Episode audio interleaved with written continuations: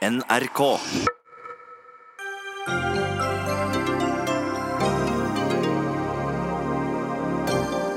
Årsaken til vannkrisen på Askøy er fortsatt ikke avklart. Regjeringen må bidra mer for å sikre vannkvaliteten i landet, mener Arbeiderpartiet. Folkehelseminister Sylvi Listhaug svarer i Dagsnytt 18. Trond Giske mener vi står i fare for å tape kampen mot de virkelig store i medieverden. Og da nytter det ikke bare å bruke småpenger på å støtte norske medier, og i hvert fall ikke å overlate til byråkrater, som han sa fra Stortingets talerstol i dag. Det er selve demokratiet som står i fare, sier den tidligere kulturministeren. Og da må dagens kulturminister, Trine Skei Grande, svare. Og hun sier at dette er en ytringsfrihetsmelding de, de behandlet på Stortinget i dag. Hurtigruten vil utfordre monopolet på å drive turistattraksjonen Nordkapp, mens friluftsfolk mener det er en uting i det hele tatt det skal koste å se utover havet fra den kjente klippen. Kampen om Nordkapp er ikke over. Og rettssaken mot en tidligere bauta i nordnorsk samfunnsliv, Svein Ludvigsen, rådmann og statsråd, startet i Tromsø i dag.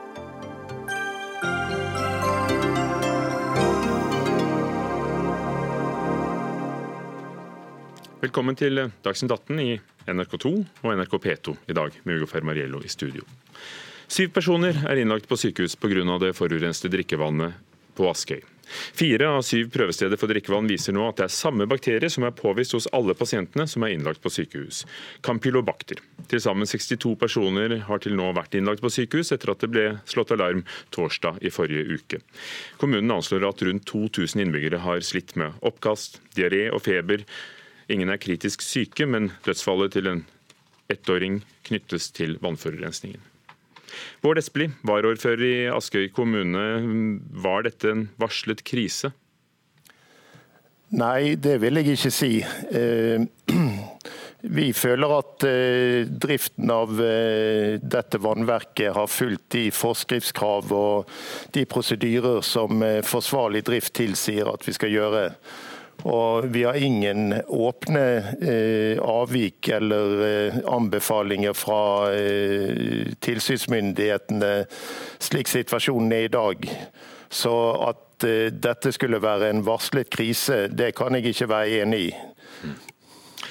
Helena Johnsen, reporter eh, i Asker kommune. Hva har kommunen gjort for å gi folk rent drikkevann siden eh, alarmen gikk sist torsdag? Så er det blitt eh, satt ut eh, drikkevogner rundt omkring i området, sånn at innbyggerne kan hente seg rent vann. Det er også blitt satt opp eh, informasjonsskilt rundt omkring, sånn at folk skal bli advart at de må ikke drikke dette vannet, det må kokes. Nærmer kommunen seg en løsning på å få rent vann i springen? Ja, de nærmer seg nok en, en løsning er mer dag for dag. De jobber systematisk for å, å få dette til, bl.a. med disse prøvene som det var snakk om, og også intervjuer med innbyggerne. Og Jeg snakket nettopp med rektor her på Kleppe barneskole, hvor jeg står nå, og hun kan fortelle om mange, mange familier som er rammet av dette her. Det var allerede funnet tarmbakterier i, i, i, vannet, men nå viser altså prøvene fra i dag at det er disse campylobaktene både i drikkevannet og hos de personene som har, har vært innlagt. Hva betyr det? Hva, hva forteller det funnet? Ja, På Haukeland universitetssykehus har det blitt tatt 36 prøver av de som er blitt innlagt med denne tarminfeksjonen. Alle disse prøvene viser at de har bakterien campylobacter, som også nå er påvist i fire av syv av prøvene fra dette drikkevannet. Så det kan jo tyde på at eh, drikkevannet er smittekilden. Hvordan er stemningen på Askøy? Jo, når jo, nå, nå, når jeg pratet med, med, rektor på denne skolen, her, så kan hun fortelle om, om mange som er bekymret. Og eh, både foreldre og barn som, som, er rammet av dette her. Og det er en eh, Sykdommen rammer sånn at man får både diaré og oppkast. Noen kan også få feber. Og bare i dag så har det blitt sendt hjem både voksne og barn fra denne skolen. Og i alt så er det altså en tredjedel av alle elevene 105 elever som, blitt, eh, som er hjemme pga. dette her. Og rektor sier selv at de håndterer dette som en krisesituasjon. De har jobbet natt og dag siden torsdag for å håndtere denne situasjonen. Og alle som er innom skolen i dag må, av barna, de læres opp og drilles i håndhygiene og sprites, sånn at de skal prøve så godt de kan for å hindre videre smitte. Men sånn som skolen ser det nå, så, så, de, så frykter de et, et videre ja, det verre videre. Takk skal du ha, reporter Helene Johnsen med fra Askøy foran en av vannvognene som kommunen har utplassert. Bård Espelid, varaordfører i Askøy altså. Vannet det er på en måte det sikreste vi har, syns vi, tror vi. Hvordan kunne det skje? Jeg er enig i at vann er det viktigste næringsmiddelet vi har. og Det at kommunen forventes å levere rent vann og sikkert vann, det er jeg eh, helt enig i. og Det er en forventning vi skal møte. Hvorfor det har skjedd, det kan jeg ikke svare på. Men eh, som reporteren sa, så jobber vi systematisk for å finne årsaken og forstå eh, dette utbruddet vi har fått og årsaken til det. Og I det arbeidet så har vi jo fått støtte fra eh, faghold som eh, er eksperter i dette. Så jeg vil berømme det samarbeidet vi har etablert med Folkehelseinstituttet og Mattilsynet. Så Sammen så jobber vi systematisk, og som det ble indikert så nærmer vi nok oss en konklusjon på hva som er smittekilden og årsaken, og da kan jeg kanskje svare på spørsmålet mer spesifikt. Det skal du sikkert få anledning til, men Bård Espelid, hvis det var systematisk nok, så skulle det vel ikke være nødvendig at vi kom i den situasjonen som er nå. Vi ser bilder av et uh, drikkebasseng som er bygd på 60-tallet, skulle fases ut, hvor kanskje smittekilden er. Hvis dette var systematisk nok, så hadde dere vel hatt kontroll på disse bakteriene? Ja, når jeg snakket systematisk, så var det i forhold til å finne årsaken. Men det er klart det, det er avdekket eh, avvik i forhold til driften, og, det må vi bare eh, erkjenne. Eh, I hvilken sammenheng eller hvilken konsekvens disse avvikene har gitt for det utbruddet vi har nå, det er det for tidlig å konkludere. Nå må vi finne årsaken, og så skal vi diskutere eh, hva som har ført oss opp i den situasjonen som vi er i nå, i forhold til om vi har gode nok prosedyrer, om vi, eh, det er svikt i de tekniske anleggene. Eh, om det er andre systemforhold som eh, har ledet oss inn i den situasjonen vi er i nå. Men det er klart at alle steiner skal snus. Og Hvorfor vi spurte om dette var en varslet krise, er fordi eh, en innbygger har sagt at det er som å spille russisk rulett og bo på Askøy. Og, og det har kommet en kritikk. Skjønner du frustrasjonen? Ja, det gjør jeg i høyeste grad. og det er bare å erkjenne at eh, det er en tillitskrise mellom eh, kommune og innbyggere når det gjelder det å levere trygt vann. Eh, nå viser jo de analyser og, og hovedbildet i forhold til de tilstandsmålingene vi har gjort og de tilsynsrapportene vi har fått, at gjennomgående så har vannet som har blitt levert fra Kleppe vannverk, vært av hygienisk høy standard. Hvordan håndterer dere hvem som er smittet i kommunen? Nei, Vi prøver å ivareta de smittede eh, så, så godt råd er. Eh, eh, vi, de som er blitt syke, har vi kapasitet til å hjelpe både med råd og, og konsultasjoner. Og, og, de som er veldig syke, har vi et godt samarbeid med Helse Bergen om å, å gi videre utredning og eventuelt innleggelse. Og eh, ellers så eh, oppdaterer vi på våre hjemmesider kontinuerlig den kompetansen og kunnskapen som vi bl.a. får tilført gjennom Mattilsynet og, Folkehelseinstituttet. Så jeg føler at vi er helt på høyde med, med det, den rådgivning vi bør gi i en sånn situasjon. Takk skal du ha. Bård Espelid, varaordfører i Askøy kommune. Og det er nemlig sånn at uh, Vannforsyning Norge har behov for investering på 280 milliarder kroner i løpet av de neste 20 årene for å fornye og forbedre vann- og avløpskvaliteten. Det fremgår en rapport fra vannbransjens interesseorganisasjon Norsk Vann. Og Sylvi Listhaug, du er eldre- og folkehelseminister fra Fremskrittspartiet. Skal vi begynne der? Drikker du vann fra springen? Absolutt, det gjør jeg. Og det er veldig godt vann i Norge. Vi er vant til at det er trygt. Eh, nå er det sånn at i den situasjonen som er på Askøy, så har man eh, uro i befolkninga, det har jeg veldig stor forståelse for. Jeg forstår at eh, foreldre er urolige for sine barn, det er det kjæreste oss har, når vi ser den sykdomsutviklinga som er der. Sånn at jeg er veldig glad for å høre varaordføreren også være så tydelig på at her har man en tillitskrise som må bygges opp igjen. Du, du, du ringte kommunen du, for, å, for, for, å, å meldte deg, selv om Erna Solberg sa jo at dette er jo kommunens ansvar. Men hvilken rolle spiller du og staten i det vannet vi får i, i kranen? Ja, Det er norske kommuner som skal sørge for rent vann i springen til norske innbyggere. Men det er klart at eh, regjeringa vil i den situasjonen vi har nå, stille opp. Det gjør vi bl.a. gjennom at vi har medarbeidere fra Folkehelseinstituttet som bistår kommunen. Mattilsynet er også inne, og jeg er veldig glad for å høre at kommunen er fornøyd med den innsatsen som de gjør. For det er helt klart at Asker nå er i en vanskelig situasjon, og det viktigste nå er at vi finner smitte smittekilden, sånn at eh, det spørsmålet er avklart. Eh, så må det selvfølgelig evalueres i etterkant, eh, alt det som er skjedd rundt denne saka. Men det er sånn at i norske kommuner så er det mange steder det står ganske dårlig til med ledningsnettet, som det ble sagt her. Det er store vedlikeholdsetterslep. Og da er det sånn at Måten vi finansierer denne sektoren på, er at innbyggerne betaler for det gjennom eh, avgifter, eh, som går bare da utelukkende til å betale for vannet vårt. Og det er viktig nå fra, eh, framover at kommunepolitikerne tar det ansvaret, sørger for å bytte ut ledninger og gjør de grepene som er nødvendige for at innbyggerne skal være trygge for at de får godt vann. Så det er en sak som eh, også nok bør eh, bli en diskusjon i årets valgkamp. Og det skal vi tilbake til, hvorfor dette ikke er høyere på dagsordenen i, i kommunevalgkampen. Men Ingvild Kjerkol, helsepolitisk talsperson i Arbeiderpartiet på Stortinget. Drikker du vann? Fra springen, altså? Ja, drikker godt vann fra Og det vil du fortsette med? Ja, det vil jeg. Men dere i helsekomiteen avga forrige uke en innstilling, og der la dere i Arbeiderpartiet inn to forslag.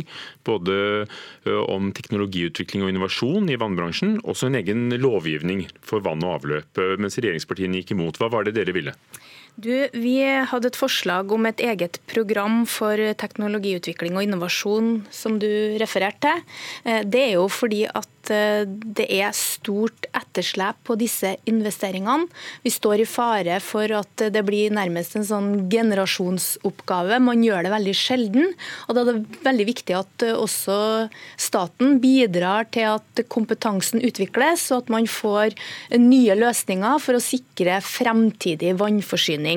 Og så har vi foreslått en egen sektorlov. I dag så er det veldig mange ulike lover som regulerer kravet om god vannkvalitet. Med en sektorlov så vil du starte et lovarbeid, du vil kunne få opp eh, kunnskap som forteller oss at kanskje må vi gjøre det her annerledes i framtida. Eh, og det vil òg være et insentiv til å få kommunene til å sette i gang investeringer. For dette er jo, som eh, statsråden sier, helt selvfinansierende tjenester, hvor innbyggerne sjøl betaler også det kommunen da prioriterer å bruke på investeringer. Så ville dette forslaget kanskje hjulpet til å få fart på kommunenes arbeid med etterslepet? Men når det gjelder sektorlov, så vil ikke det gi noe rent eh, vann i springen i utgangspunktet. Det vil da bidra til å regulere f.eks. eierskap, konsesjoner, finansiering og avgift og en del ting rundt. Men det vil ikke løse det som er problemet i denne saka her. Når det gjelder det andre forslaget, så er det et forslag som for så vidt også er eh, fremma av regjeringa i eh, denne meldinga, at vi skal vurdere et sånt program.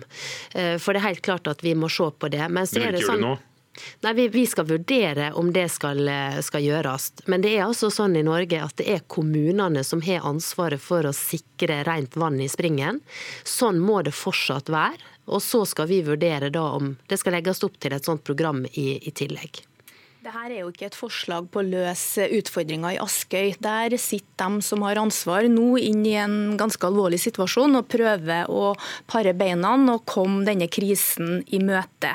Der har kommunen roller, og der har også regjeringa roller. Og det som er oppgaven til storting og regjering, det er jo å hindre at dette skjer i andre kommuner. Og det vet vi at det kan være fare for når vi kjenner tilstanden på både vassverkene og ledningsnettet vårt. Det er jo det forslagene våre skal forebygge. Eh, en folkehelseminister jo, har jo en oppgave om å holde friske folk friske. Hvis vannet ikke er godt i springen, så ser vi med eksempelet i Askøy at folk kan bli syke. Og Er det da nok å vise til kommunene? Kunne vi tenkt oss at regjeringen hadde i visse tilfeller en strengere rolle? Ja, altså Med oppfølging og det å nå skaffe seg enda bedre oversikt over tilstanden der, der, nå, der, skal vi sette i gang et arbeid rett og slett for å finne ut av hvilke kommuner som nå bør pushes enda tøffere for å ordne opp i forholdene. For siden Mattilsynet skal etterforske også hva som skjedde i Asker, så betyr det jo at det er, ja, det er ikke nok at kommunen ser på det? Nei, altså Vi må kontrollere dette her for å sikre innbyggerne at de får rent vann og at tingene er på stell. Men det å tro at bare nye lover og regler løser dette her, altså det som er ja, der er det nok uenige, så vi, vi, vi stopper den der. for Jeg har lyst til å spørre Yngve Wold. Yngve Wold i Norsk Vann, konstituert direktør. Dere samler altså vannbransjen. Dere lager 96 eh, av vannet vårt, eller 96% befolkning drikker det vannet dine medlemmer lager. Kommuner, vannverk osv. Hvordan står det til?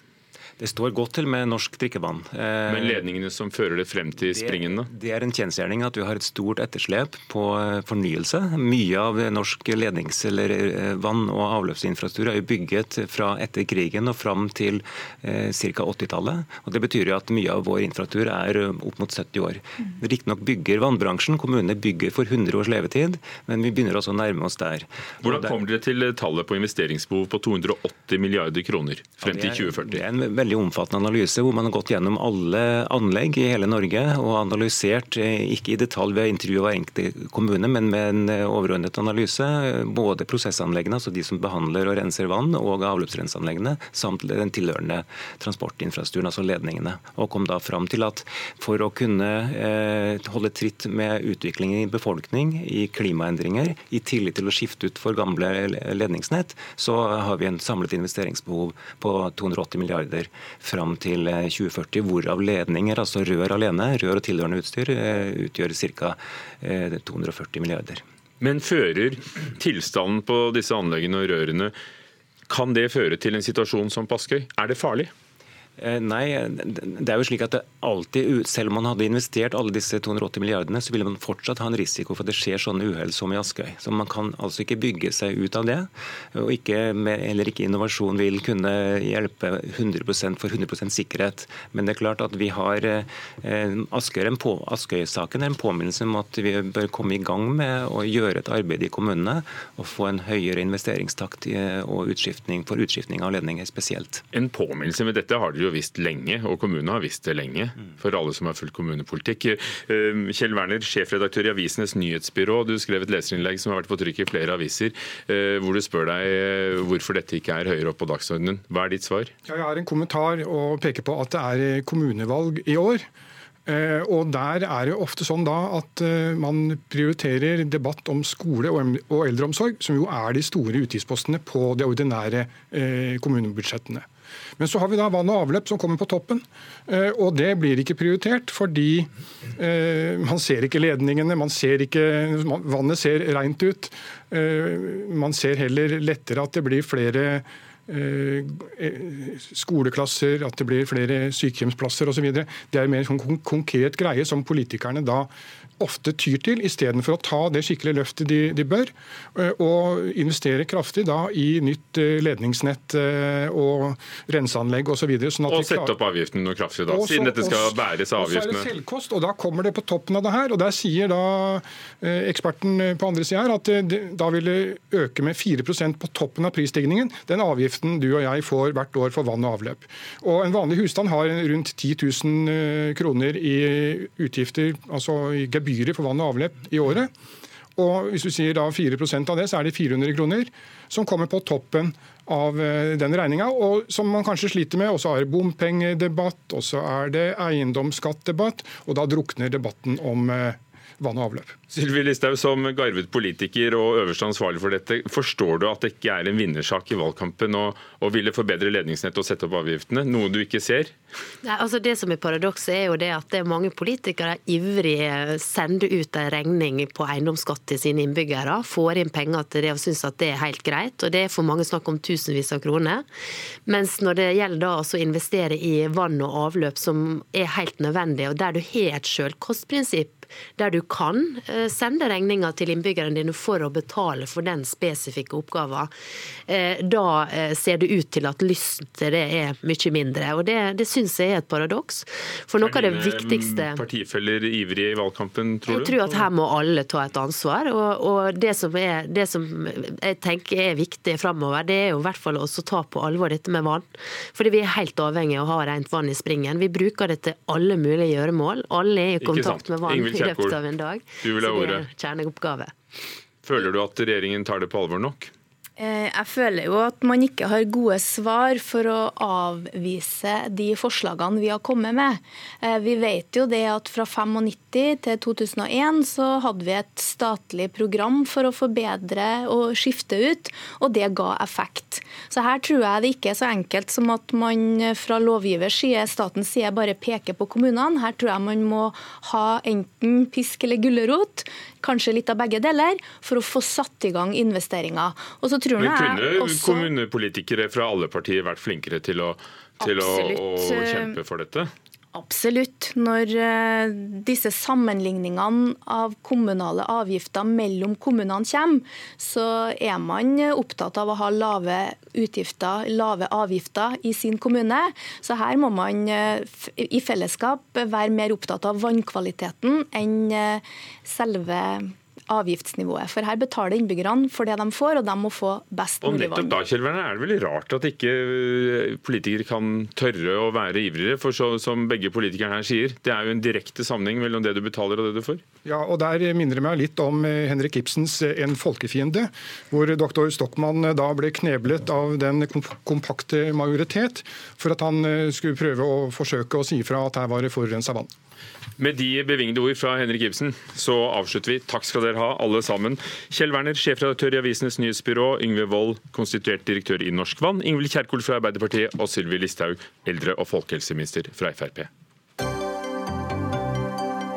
Dagsnytt 18 alle hverdager kl 18.00 på NRK P2 og NRK2.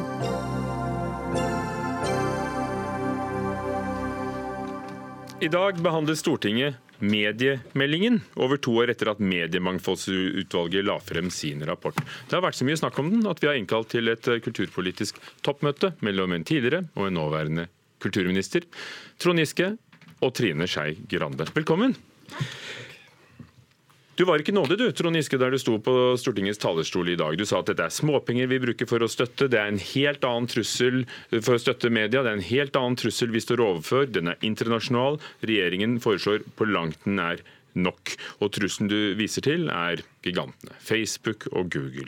Eh, hva er det som ikke holder mål i den mediemeldingen dere behandlet i dag? Jeg mener at den eh, overhodet ikke går inn i de store megatrendene som påvirker norsk mediesektor. Ehm, den er helt grei på noen småendringer i dagens mediepolitikk. Men rammene rundt eh, mediebedriftene er så i dramatisk endring eh, at det her eh, vil egentlig være forgjengelig og forelda allerede om et par år.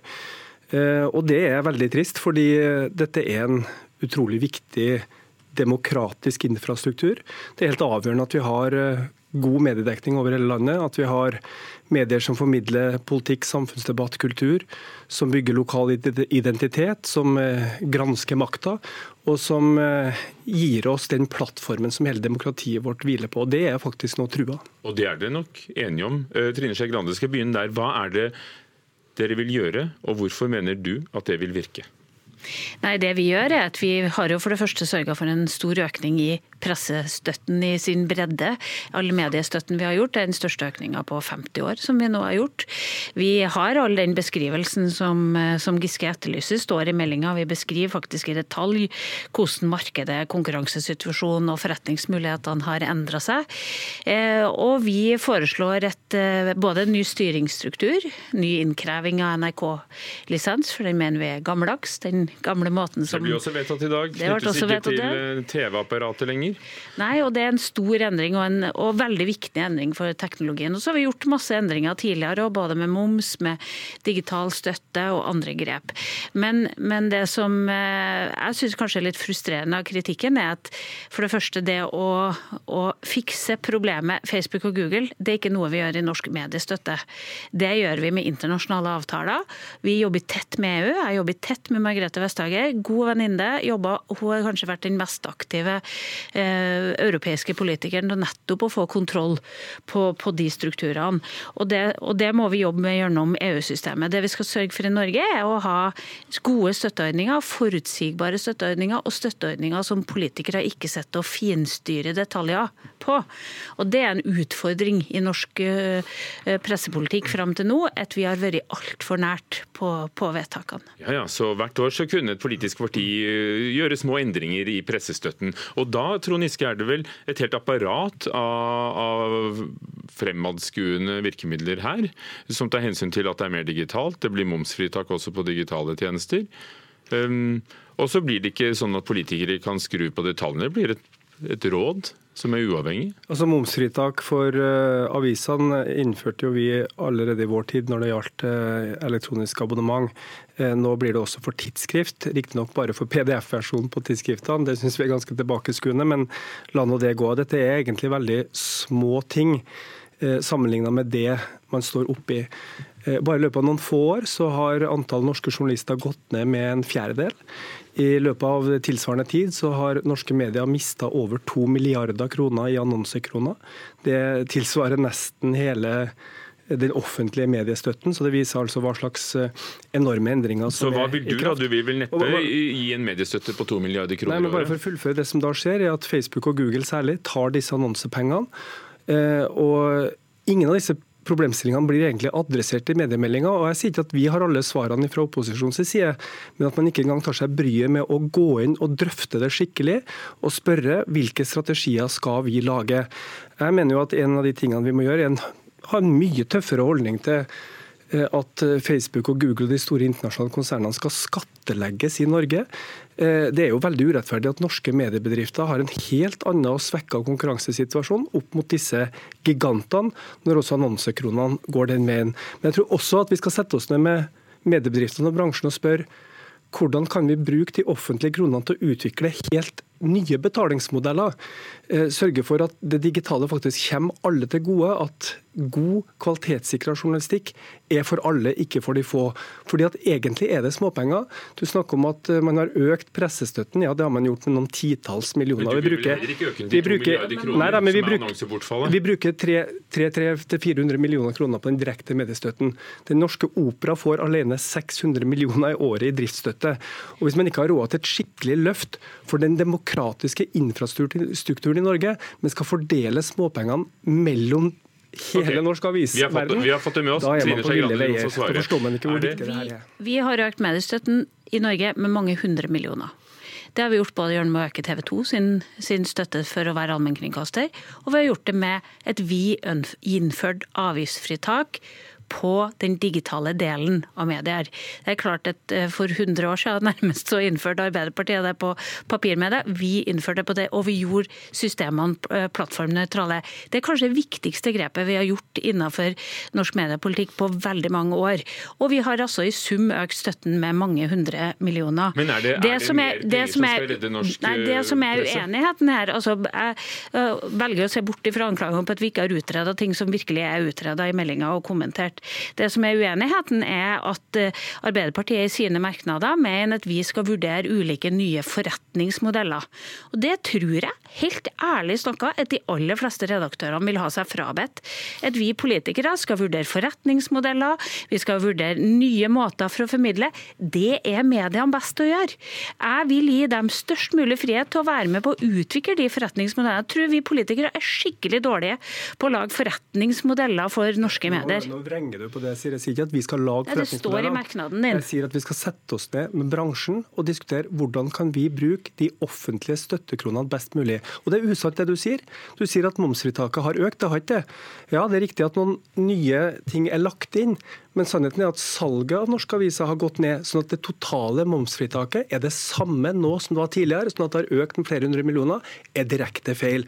Og Det som jeg syns er ille, er at du sier at den støtten som lokalavisene i framtida skal få i økning, den skal tas fra andre aviser. Det syns jeg er feil strategi. Jeg syns vi skal koste på oss å betale det det er verdt å ha en skikkelig demokratisk infrastruktur over hele landet, istedenfor å sette avisene opp mot Nei, hverandre. Vi sikrer en økning på dette feltet, og vi kan holde på med disse tallene fram og tilbake. Men at det er ingen som har økt støtten til norske medier så mye siden ordningen ble innført som det vi har gjort de siste årene.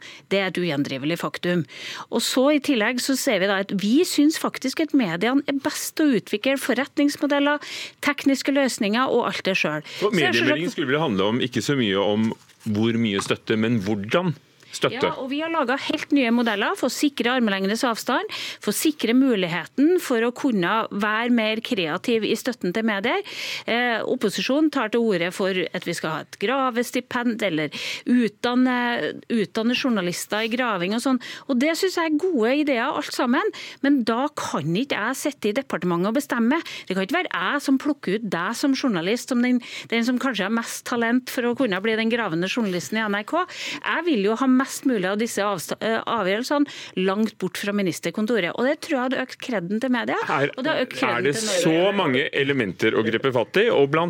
dette med at det blir en armlengdes avstand, et medieråd som du kalte å overlate i hendene på noen byråkrater i dag. Ja, det er jo ingen som mener at uh, norske politikere skal sitte og bestemme hvilke enkeltaviser som skal få støtte. Tvert imot, da jeg var kulturminister, så flytta vi den ordninga hvor Stortinget faktisk satt og bevilga penger til enkeltaviser over til Kulturrådet, og nå senere er det flytta til Medietilsynet. Men det som er politisk, er jo hvor mye av den totale eh, mediestøtten vår skal gå til eh, kategorier av medier, f.eks. til NRK, til lokalavisene, til nummer to-avisene, til riksmedia. Det, mener, det mener Trine Skei Grande skal bestemmes av eh, en håndfull mennesker i et utvalg. Det er politiske beslutninger.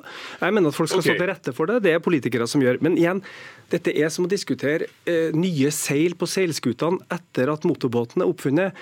Vi, det, det, er småtteri mot det vi står overfor. Det er jo et besnærende bilde, så hva vil dere i stedet? Nei, Annet enn å gi mer støtte og styre mer? Nei, jeg mener jo f.eks. at man kunne tenkt seg at man laga en pott eh, penger, ikke som statsråden sitter og fordeler, men som f.eks.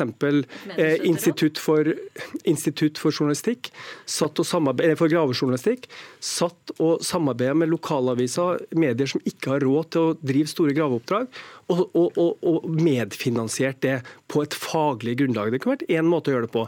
En annen måte å gjøre det på er å si at hvis, hvis du har ett abonnement hos en offentlig støtta avis da, gjennom momsfritak eller, eller, produksjonsstøtte, så fantes det betalingsordninger som ga deg tilgang på alt det andre digitale. For sannheten er at Hvis hver husstand i Norge hadde betalt 300 kroner i måneden, så hadde det dekka alle inntektene her... for avisene et helt år. De pengene må vi diskutere med bransjen. Hvordan kan det komme befolkningen til nytte? For her kan jeg faktisk da håndplukke en politiker til å svare, og det blir deg, Trine Skei Grande, og det blir nå.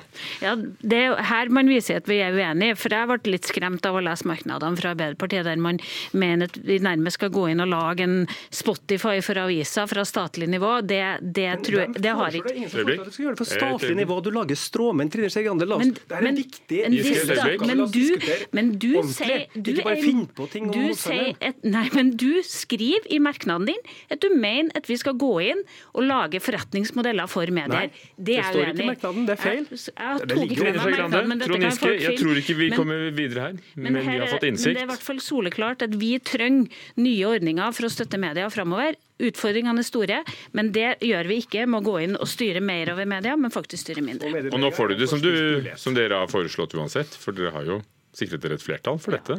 Ja, alt dette ble vedtatt med bredt flertall i dag, også omfinansiering av NRK. Trine Skei Grande, Trond Giske, takk skal dere ha.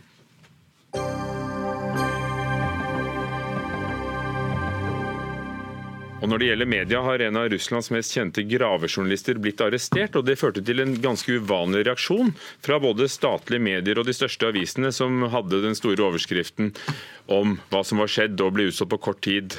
Vi snakker om situasjonen i Russland litt senere i sendingen. Men nå til eh, Tromsø. Den tidligere stortingsrepresentanten, fiskeriministeren og, og fylkesmannen Svein Ludvigsen risikerer tolv år i fengsel. Han er tiltalt for å ha misbrukt sin stilling og tilliten til tre unge asylsøkere for å ha skaffet seg seksuell omgang med dem. Og Da rettssaken startet i Nord-Troms tingrett eh, i dag, så nektet eh, Ludvigsen straffskyld. Skjalg Fjellheim, politisk redaktør i Nordlys. Skal vi begynne der. Hvordan vil du beskrive den rollen Svein Ludvigsen har hatt i eh, samfunnslivet, og da spesielt i Nord-Norge? Ja, så Han har jo vært en eh, meget betrodd person i nordnorsk samfunnsliv gjennom 30 eh, år. Stortingsmann, statsråd, fylkesmann. Og han har også vært kjent for å ha et bredt nettverk i nasjonal politikk. Sånn at mange nordpå som har ønska tilgang til beslutningsmakt i Oslo, har jo brukt Svein Ludvigsen sitt nettverk aktivt. Så dette er en sak som har opprørt mange i Nord-Norge, og som sjokkerer mange. og Etter det som kommer frem i retten i dag, så vil jo reaksjonene sannsynligvis bli enda sterkere. Mm. Astrid Mæland, kommentator i, i, VG. Hva vil du si er det alvorligste i tiltalen som er tatt ut mot Ludvigsen? Ja, Det er jo uh, seksuelle overgrep mot tre forskjellige menn fornærmede. Eh, vi fikk høre det første vitnemålet fra den første fornærmede i dag. og Vi har altså ikke hørt noen ting fra uh, Svein Ludvigsen foreløpig. Han har nekta straffskyld, så vi må selvfølgelig ta høyde for uh, at det kan komme noe derfra. Det alvorligste er jo, i tillegg til de seksuelle overgrepene, at han er Eh, tiltalt for å ha utnytta stillinga si, sånn som Skjalg eh, sier her. En, en, en samfunnsstøtte nærmest her i Nord-Norge med fylkesmannstittelen sin. Så skal han altså da ha oppsøkt eh, asylmottak. Eh, under dekke kanskje da av å gjennomføre kontroll med asylmottakene, sånn som fornærmede har forklart i dag. Så har han altså fått tilgang til unge menn, sies det i retten i dag. Hvordan fremsto han selv? Eh, fornærmede, eller Svein Ludvigsen? Jeg tenkte på Svein Ludvigsen. Svein Ludvigsen, ja nettopp. Han framsto som energisk, syns jeg. Det var jo som sagt ikke mange ord han fikk sagt i dag. Han starta på torsdag, men han var eh, fulgte nøye med. Virka eh, skjerpa. Aldeles ikke eh, liksom, en mann som har gitt opp eller noe sånt. Han satt Eh, og så under store deler av eh, fornærmedes eh, forklaring, som var en gripende og vanskelig forklaring å høre på, så satt han og så på han rett på fornærmede hele tida. Han veik ikke unna med blikket. Og han svarte nei på spørsmål fra dommeren nesten før dommeren har fått stilt spørsmålet om skyld. Skjalg Fjellheim, hvilke tanker gjør du deg om det som kom frem i, i retten på den første dagen? Ja, det er jo en sterk eh, fortelling om en ung asylsøker eh, som kommer fra Afghanistan til Norge. Eh, kommer i kontakt med Svein Ludvigsen i forbindelse med et tilsyn ved et mottak på, i et bygdesamfunn i Troms. Det oppstår en relasjon mellom disse to, og som da senere resulterer da ifølge fornærmede i gjentatte seksuelle overgrep. Så det var en veldig sterk forklaring i dag. Det som er spesielt med denne saken, er jo også at Ludvigsen Henriksen, da han tiltrådte som fylkesmann i Troms etter å ha gått av som statsråd, så markerte han seg også som barnas eh, og de svakestes høye beskytter. Og det var han jo på en måte også, fordi at fylkesmannen eh, har jo formelt sett tilsyn både med eh, asylmottak eller mottak for mindreårige asylsøkere, og også for barnevernsinstitusjoner. Og Det er jo det som gjør dette, dette angivelige misbruket av maktposisjonen sin så grovt, hvis Ludvigsen skulle bli funnet skyldig i retten. Denne saken reiser jo også spørsmål ved eh, mulige systemfeil, altså systemsvikt. Hvordan en fylkesmann kan oppsøke institusjoner på denne måten som det er kommet frem.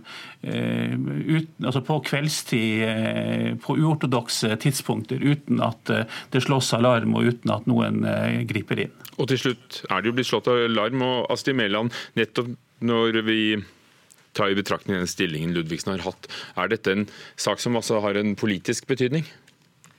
For Høyre, hvis du mener det, Han er jo tidligere politiker i Høyre, så jeg tror ikke det. Nå har jo Erna Solberg og mange andre mm, tidligere ordføreren her i Tromsø vært ute og, og snakka om at de er sjokkert over tiltalen, og, og også framheva de positive sidene ved Svein Ludvigsen og samfunnsoppdraget og alt sånn. Men uh, politisk tror jeg ikke det har noe betydning. Han er pensjonist og uh, gått av uh, for, for en, flere år tilbake som fylkesmann. Men det at interessen er så stor, er det, er det fordi vi er såpass uvant med at maktpersoner blir, blir tiltalt for så, så grove brudd på på loven. Ja. Slik sett så har jo saken en enorm betydning hvis du snakker utover partipolitikken. Det er jo svært sjelden i Norge at vi har slike saker der samfunnsstøtta blir avslørt eller påståelig har misbrukt stillinga si på det grovste på den måten. Eh, jo, tiltalen sier jo at han har misbrukt og fått tilgang til unge menn gjennom stillinga si som, eh, som fylkesmann. Men Charles Fjellheim og Astrid Mæland, er det en fare for at eh, at det blir en forhåndsdømming. Det er så stor oppmerksomhet, han har vært så kjent. Det er forsider eh, ofte om hans person. Er det en fare for at denne saken ja, nærmest innebærer en forhåndsdømming? Nå skal, eh, skal rettssaken gå sin gang, og han skal dømmes. og Vi skal selvfølgelig ta alle mulige forbehold. Det gjeldende prinsippet i Norge er at alle er uskyldige inntil det motsatte er bevist. og Det er altså påtalemyndigheten som må bevise at det faktisk har skjedd lovbrudd her. Altså Seksuell kontakt mellom menn er jo i seg selv ikke eh, ulovlig eh, i det hele tatt. Men det som jo da er spørsmålet om dette har skjedd eh, med bruk av tvang, og om det har vært et, en, en, en ubalanse i et overlegent maktforhold her. Så eh, Svein Ludvigsen skal forklare seg på torsdag, og, og da får vi hans versjon i retten. Hvordan kan det ha seg at han nekter straffskyld, men forsvareren antyder at eh, han kan erkjenne noen av, av forholdene i saken? Det kan jo kanskje forklares med at uh, han eh, vil eh, erkjenne seksuell eh, kontakt, slik tolka jeg det. Det var forsvareren som var inne i et kvarter i dag på, i rettssalsaken. Det var ikke mer vi fikk fra det, men jeg tror det betyr at, at, han erkjenner seksuell omgang, men at det var frivillig at han vil framholde det. Det er min teori. Og så ble det jo helt på slutten av dagen i dag lagt fram et bildebevis i, i retten som angivelig viser seksuell kontakt mellom Ludvigsen og fornærmede med det nummer én. Takk skal dere ha. Astrid Mæland, kommentator i VG, og Skjalg Fjellheim, politisk redaktør i Nordlys.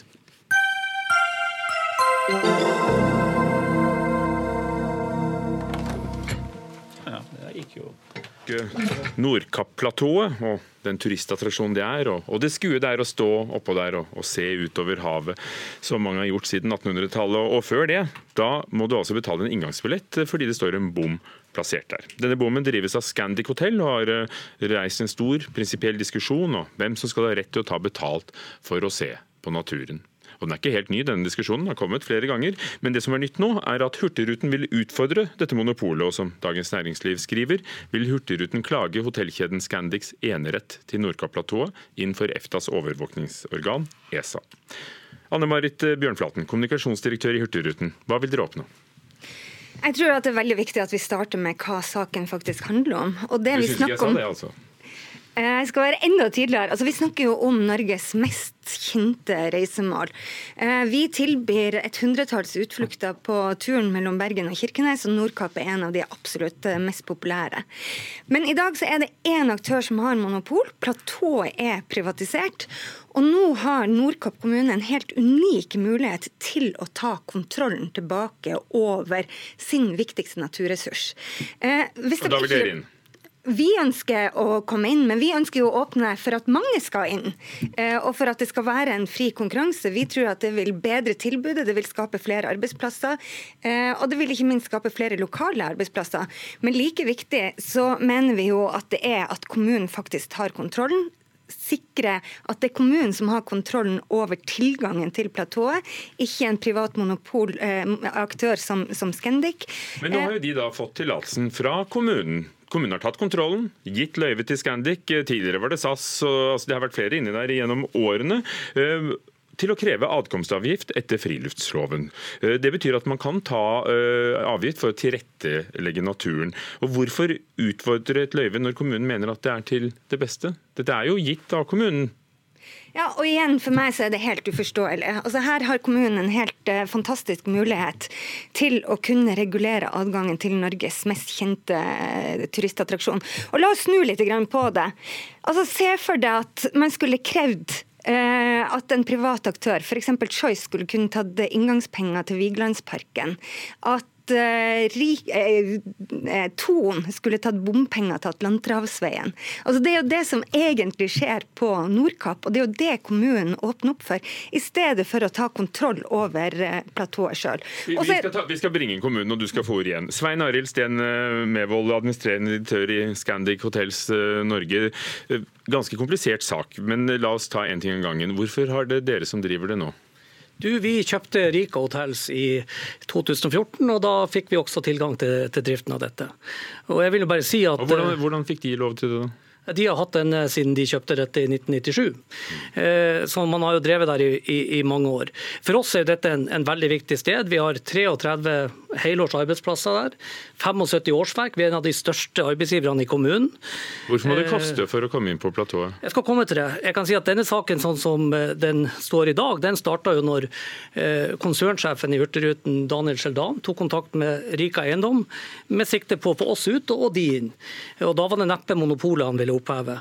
Eh, så har man drevet fra Hurtigrutens side en svertekampanje på oss i eh, lang tid, eh, hvor man har snakka ned vårt tilbud, med sikte på å komme inn og ta over sjøl. Samtidig har de da solgt billetter til denne utflukten for ja, nær 1700 kroner billetten. Så det er nå en litt sånn underlig argumentasjon. Og Grunnen til at det er billettinntekter på Nordkapp, det er jo for at vi nettopp skal kunne drive forsvarlig helårig. Hva gjør at det koster En voksenbillett i dag ligger på 285 kroner, etter det jeg har fått vite. Det kommer 250 000 besøkende i året. Hva, hva får du for de eh, pengene? Det er nesten 300 000 besøkende som kommer. Mm. Og Du får parkering, og du får inngang til platået, og du får sikkerhet og trygghet. For, de, for eh, når det er dårlig vær, så trenger du det der oppe. Dette er kanskje Norges mest værharde sted å drive turisme på. Men hvis en vandrer kommer gående så kan hun eller han komme gratis. Eh, hvis du kommer syklende, eller hvis du kommer gående, eller hvis du eh, bor i Nordkapp eh, kommune, så kommer du gratis inn. Men la oss ta den påstanden. Hurtigruten det vil bare drive det selv. Nei, vi ønsker ikke å drive det sjøl. Vi ønsker jo at Scandic skal kunne fortsette der. Vi ønsker å kunne etablere oss. Vi bygge en hel liten by, da? Nei, det ønsker vi ikke. Men, eh, men vi mener jo at, man, eh, at konkurranse er, er, bra for alle, og ikke minst for Nordkapp-samfunnet. Og så må jeg jo si at jeg syns det er et paradoks. Eh, det er jo ikke mulig å vite hvor mye Scandic faktisk tjener på det. De har hatt et monopol nå som nesten er i ferd med å bli evigvarende. Hvis kommunen nå bestemmer å forlenge monopolet, så vil det ha negative konsekvenser for Nordkapp-samfunnet i mange år fremover. Jeg har sett summer som antyder at Scandic Rika tjener om lag 50 millioner kroner å spørre selv, da. Vi har dem jo her. Men Hvor mye tjener dere? Eh, vi, har, ja, altså, vi, er et børsnotert selskap, så enkelutgifter rundt eh, enkeltbedrifter hos oss oppgir ikke vi. Men, Hvor mye gir det til kommunen eh, for denne tillatelsen? Altså, vi, har, eh, vi betaler en leie til Rika Eiendom, som leier eh, festearealet eh, fra Fefo. Finnmarkseiendommen, som forvalter dette på vegne av jeg, jeg kan vel sikkert svare på det, som er da 80 000 i året. og Dette er 25 år siden dette ble inngått. Og Hvorfor var den så lav? Ingen har klart å få lønnsom drift der oppe før.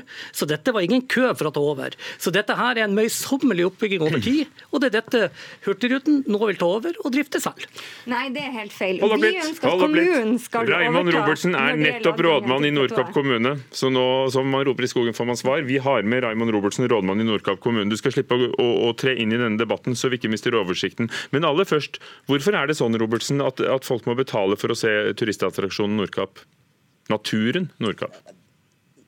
Nå er det sånn at En betalingsordning på Nordkapp har man jo hatt eh, siden etter krigen. og Det har vært med å finansiere viktig infrastruktur, eh, bl.a. veien opp til Nordkapp, i sin tid. Eh, når det er sagt, så er det jo eh, gledelig for oss i Nordkapp at to såpass to store reiselivsaktører kjemper om å få komme og være og satse på Nordkapp. Det syns vi er gledelig, og det understreker det vi ser at hvor viktig det her er for, for Reiselivs-Norge. Og Hva får kommunen igjen for det når dere har gitt denne tillatelsen til disse, altså Rika Scandic som driver det, og, og tomten er festet fra Finnmarkseiendommen som er altså offentlig. Hva får kommunen igjen for det? Altså, kommunen har mye igjen for at vi er vertskap for Nordkapp. Vi har masse helårige arbeidsplasser og vi har masse skatteinntekter. Men når det er sagt, så er det Dere får ikke noe penger, altså, direkte? Jo, jo, det gjør vi jo. Men når det er sagt, det er ikke Nordkapp kommune som tildeler tillatelse for drift på Nordkapp. Det er det grunneier som gjør. Vi lager planer, og når en, en aktør har fått en rettighet, så tildeler vi løyve til den aktøren som har fått rettigheten av grunneier. Men dere skal nå vedta en ny reguleringsplan. Unnskyld at jeg avbryter deg med litt forsinkelse, så jeg bare kjører på. Klassekampen har laget en stor dokumentar om dette de siste dagene, og, dere skal vedta en ny reguleringsplan. Så da har dere en anledning til å, å ta tilbake mer kontroll, bestemme hvem som skal drive. Eh, er det ikke noe dere vil endre? Eh, vi har ikke mulighet til å bestemme hvem som, skal, hvem som, skal, drive i en plansak. Men vi tar tilbake betydelig mer kontroll på Nordkapp med hensyn til at vi kan Eh, og har større innflytelse på hva området brukes til. Og ikke minst det med vern, og sørge for at denne eh, attraksjonen er, er, forblir en god attraksjon i fremtida. Det har vi eh, tatt grep om. Og Da er vel dere fornøyd, Lasse Heimdal, generalsekretær i Norsk Friluftsliv, hvis det blir mer vern og uh, mer adgang? Ja, hadde det vært så vel. Eh, nå har kommunen hatt sjanse til å gjøre noe med dette i lang tid, også operatørene, og vi har sett veldig lite til det. Det som mange av disse aktørene glemmer, det er at dette er et fredet område. Kong Haakon fredet dette allerede i 1929. Eh, og dette er et område som er utmark, og det betyr at allmennheten har fri tilgang. Eh, og Det er en rettighet som Norsk Friluftsliv er veldig opptatt av å beskytte og bevare. Og det har jo allmennheten. Du kan ikke kjøre dit gratis, men du kan spasere og sykle? Ja, eh, men det er tross alt såpass langt unna at på en eller annen måte så må de aller fleste komme seg dit. Og Når da kommunen gir tillatelse til å ta 180 av disse 285 eh, kronene i en friluftsavgift, så er dette etter vår oppfatning Norges historiens største økonomiske misbruk av friluftsloven. Vi har aldri sett noe lignende. Eh, og Derfor er det svært viktig at, vi, at både vi og samfunnet nå får stanset denne praksisen, og at allemannsretten kommer i bruk på Nordkapp som andre steder i Norge. Du tror ikke at det ville ført til en sterk belastning på området, som, eh, hvor det i dag da er mulighet for å regulere det, ha ordnede forhold? Det er helt andre ting vi kan gjøre enn å drive med bompenger for friluftsliv. For å tilrettelegge for, øh, friluftsliv og for å beskytte og bevare naturen. Og Raimond, da, da, da, da, gir jeg ordet til Raymond Robertsen igjen, rådmann i Nordkapp. Um, altså, nå har dere en anledning, dere kan omregulere. Hva med å la allemannsretten eh, gjelde? Og selv om dere kanskje har anledning til å kreve inn penger, la det være gratis? Eh, nå vil jeg understreke at allemannsretten gjelder. Eh, det som er viktig her, er jo at som sagt, det, det er en veldig attraktiv destinasjon. Det er en stor betalingsvilje i hele verden for å komme dit og se. Og du får ikke skapt arbeidsplasser, og du får ikke skapt utvikling, markedsføring av en destinasjon, hvis du gjør den gratis. Dette ville være en katastrofe for lokalsamfunnet Nordkapp. Og det er klart at Skulle vi høre på Lasse Heimdal, så, så eh, vil det ikke være mulig å kunne ha seg et utkomme av å bo i Nordkapp. Hva hva mener da Klassekampen når de skriver at dere har snudd og vil privatisere mer fremfor å ta kontrollen tilbake? Hva, hva tror du de mener?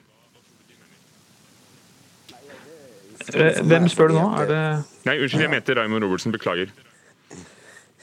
Det er uforståelig for meg, den eh, påstanden der. Nå er det sånn at eh, vi gjør ganske betydelige innstramninger i den nye planen.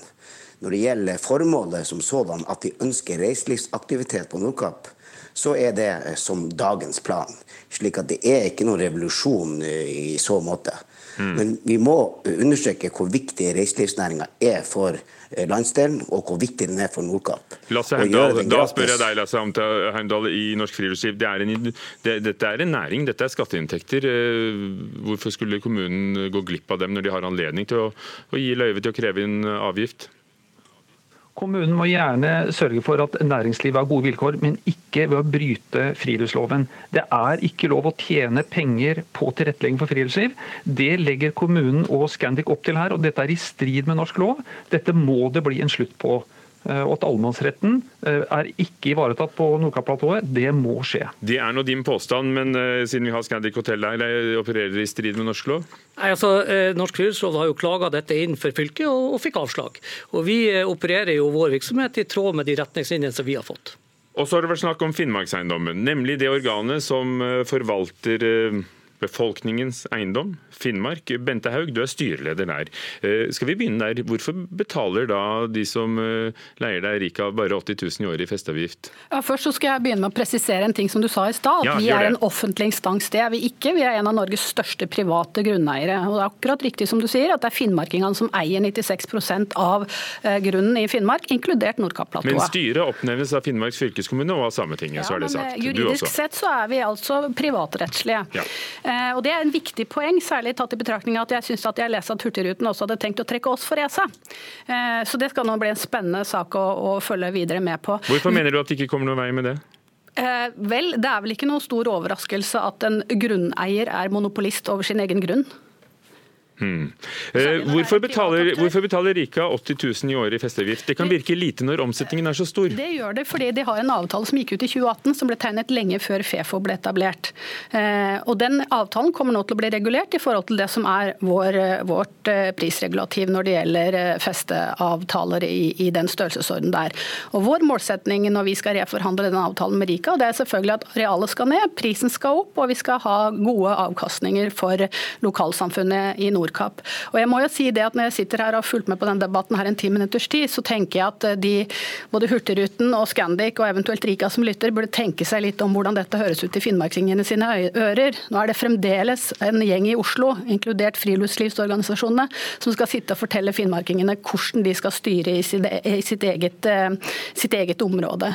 Eh, Kanskje man skulle trå litt varsommere og prøve å komme i god dialog, for det er klart at den irritasjonen som er i Nordkapp, den har jeg stor forståelse for. Man føler at man får ikke nok igjen fra det å være vertskap for en av Norges største turistattraksjoner. Takk skal du ha, Og så kommer Bente Hurtigruta inn og ønsker å, å delta i, i å få en større andel av Ja. den kaka. Og, og Nordkapp-væringene er de som igjen blir Bente overkjørt. Haug, styreleder i Finnmarkseiendom, takk skal du ha. Tør dere fortsatt i Hurtigruten å, å forfølge denne saken etter det du har vært med på i dag, her i Dagsnytten? Ja, definitivt. For vi mener at det å gi kontrollen tilbake til kommunen over platået vil ja, styrke, vil være bra for fellesskapet. Det var det siste som ble sagt i denne saken i denne omgangen i dette programmet. Takk skal dere ha. Anne Marit Bjørnflaten fra Hurtigruten, Svein Arild Steen Mevold fra Scandic Norge, Bente Haug og Raymond Robertsen, som er rådmann i Nordkapp, og også Lasse Heimdal i Norsk Friluftsliv. Hør Dagsnytt 18 når du vil. Radio NRK Radio.nrk.no.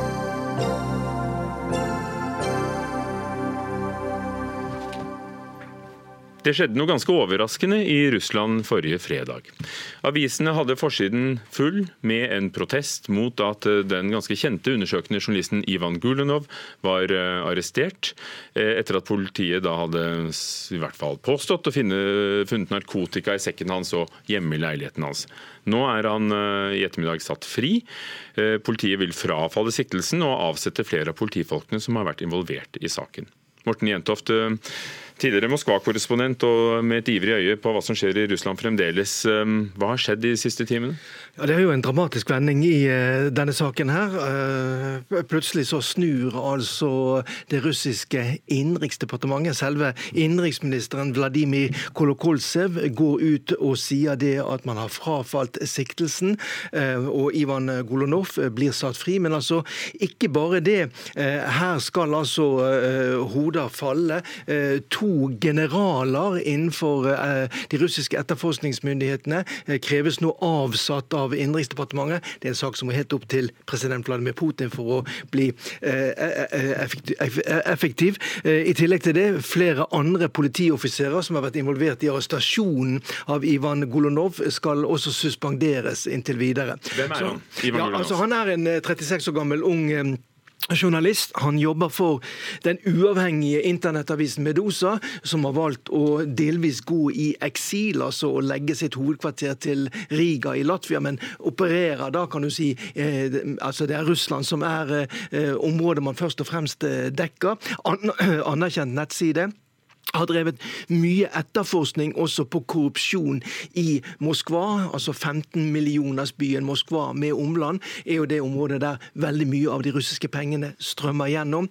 Gir selvfølgelig grunnlag for korrupsjon. Her skal det ha handlet om at uh, høytstående offiserer uh, har vært involvert i denne lukrative begravelsesvirksomheten. Det å begrave folk er stor business. Hvor skal det begraves? Kirkegårder. Mye penger er involvert her. Sånn at det det var i forbindelse med det han antageligvis har kommet i konflikt med personer som sitter høyt oppe, og som da forsøkte å diskreditere ham ved å arrestere ham. Sannsynligvis da plante narkotika hjemme hos ham. Men nå kommer denne saken da tilbake til disse offiserene som en bumerang. Hva gjorde, tror du, at mediene, pressen, tre store aviser torde å trykke forsiden 'Jeg er Ivan Golunov', og også statlige medier protesterte? Ja, jeg tror at mange følte at nå nok var nok. Dette var så grovt.